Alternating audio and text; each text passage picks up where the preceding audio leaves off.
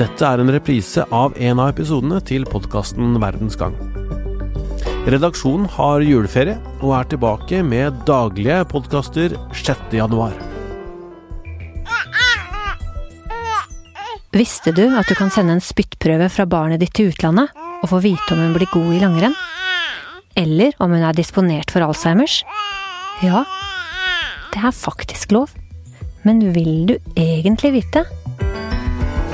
Jeg heter Kristine Hellesland, og du hører på Verdens gang.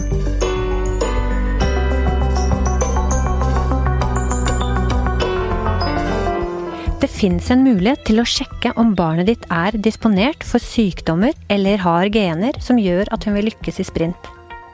With our home DNA test kit, DNA Services of America makes it easy to perform a self collection that ensures you receive the highest quality, most accurate DNA test results.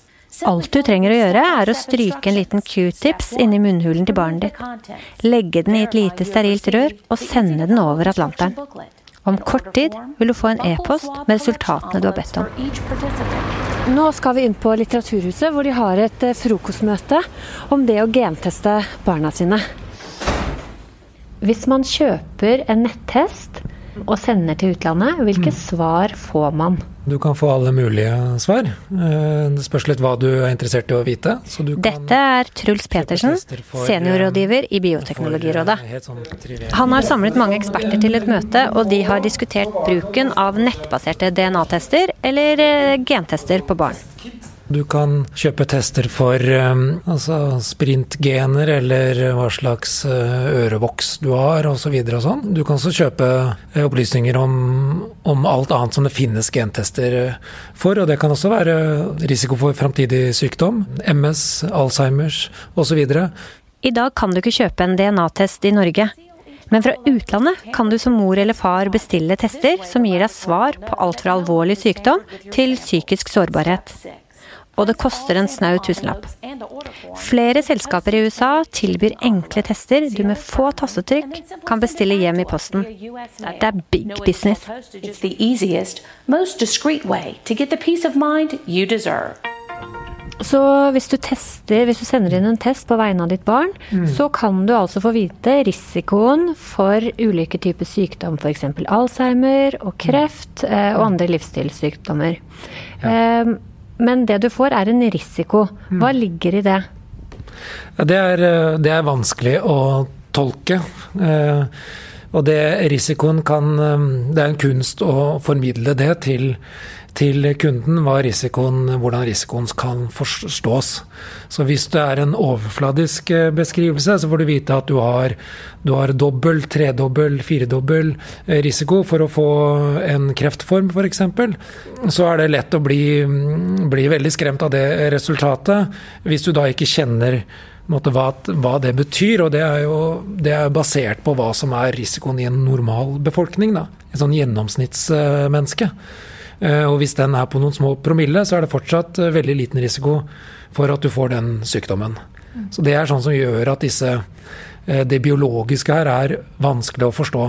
Så det er lett at man er da typisk bekymra for at man overtolker svarene, blir unødvendig bekymra, tror at risikoen er mye større enn den egentlig er. Men også det motsatte, altså om du ikke har den genvarianten, så betyr ikke det nødvendigvis at du er eh, garantert eh, å ikke bli syk. Eh, Det kan være livsstilsting som påvirker sykdom. Det kan også være arvelige ting som vi ennå ikke har kartlagt. Tenker du at foreldre er kvalifisert til å tolke de svarene som kommer i posten? Det er, det er vanskelig å forstå helt både de konkrete resultatene. Kan være vanskelig å forstå, og så er det ingen, heller ikke fagpersoner, som kan si hva disse opplysningene og det spyttet som du sender av gårde, hva det kan bli brukt til senere. Eh, Så se rekkevidden på en måte hva For å forstå liksom sykdomsrisiko, det er eh, nok eh, vanskelig. Da kan det være behov for, for liksom, Det er derfor man har genetisk veiledning på et sykehus. Å forstå personvernrisikoen er nok kanskje enda vanskeligere. Hva vet man om de selskapene som gjennomfører gentesting av barn? Er de nyttige? Det er for det første liksom opp til hver enkelt. Eh, Du kan jo kjøpe informasjon som du vet eh, eh, gir bare en sånn veldig, veldig liksom lav sannsynlighet for noe, ikke er medisinsk veldig viktig, men du kan likevel være nysgjerrig. Så der er folk forskjellige, hva de ønsker å vite, og, og nytten av den informasjonen. Når det gjelder disse selskapene, så har de i alle år blitt kritisert for fordi det er dårlig kvalitet på testene. De finner kanskje genvariantene, men de variantene forteller ikke så veldig mye. Eh, og så har du den utfordringen at eh, i dag så er det stort sett utenlandske selskaper, og det er basert på forskning på en annen populasjon, altså andre befolkningsgruppe, som ikke nødvendigvis har Det finnes lokale mutasjoner eller genvarianter i Norge som de da typisk ikke ser etter. På møtet hører vi at de fleste mener det bør bli strengere regler sånn at foreldre ikke lenger kan kjøpe tester på vegne av barna i utlandet. Men hvordan kan man sørge for at det ikke skjer? Det er alltid vanskelig å håndheve regulering av forhold mellom foreldre og barn. Dette er Anne Kjersti Befring, forsker ved Juridisk fakultet på Universitetet i Oslo. Og det dreier seg ikke bare om dette, det dreier seg om vold og andre ting. Men det å ha reguleringer som uttrykkelig sier noe om foreldres plikter, er uansett viktig.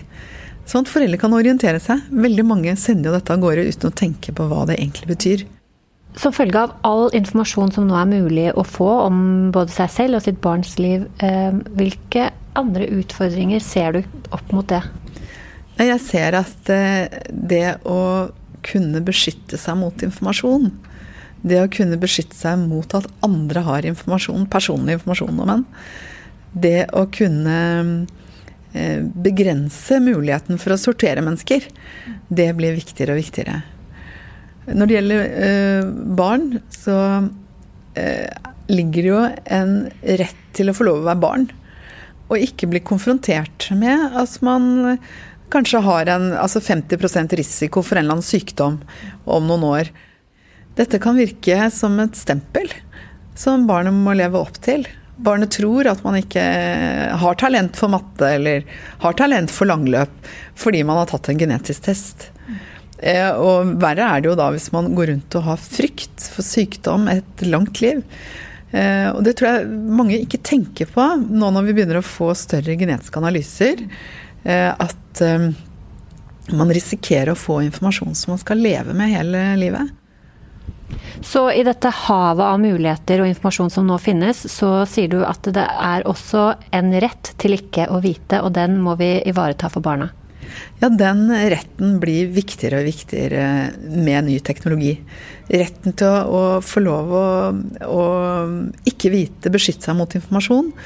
Eh, retten til å eh, handle og leve Eh, uten all mulig informasjon som ikke er sikker heller. ikke? Du får en sannsynlig risiko for ulike ting. Det blir veldig viktig. Befring mener at en strengere regulering bør legges inn i barneloven. Og det kan bli en realitet hvis politikeren Sveinung Stensland, helsepolitisk talsmann i Høyre, får viljen sin. Jeg er enig i at dette burde vært regulert strengere, og jeg mener at dette bør en se på i et arbeid i barneloven. Og jeg kommer til å utfordre barneministeren på det, og jeg ser at barneministeren er positiv. Så jeg tror dette kommer til å bli en debatt som kommer til å fortsette. Nå er jeg på vei eh, ut, og jeg må si jeg ble litt klokere. Men eh, det er fortsatt en del ting jeg lurer på heldigvis så har jeg en kollega, og han har tatt en eh, gentest på nettet. Håvard Christoffersen Hansen, journalist i VGTV. Du er jo en av de få jeg kjenner som faktisk har tatt en av disse nettestene. Hva var det som gjorde deg nysgjerrig på dette, og hva var det som drev deg? Nei, jeg i likhet med mange nordmenn synes jo dette med eh, DNA og eh, genetisk opphav er veldig spennende.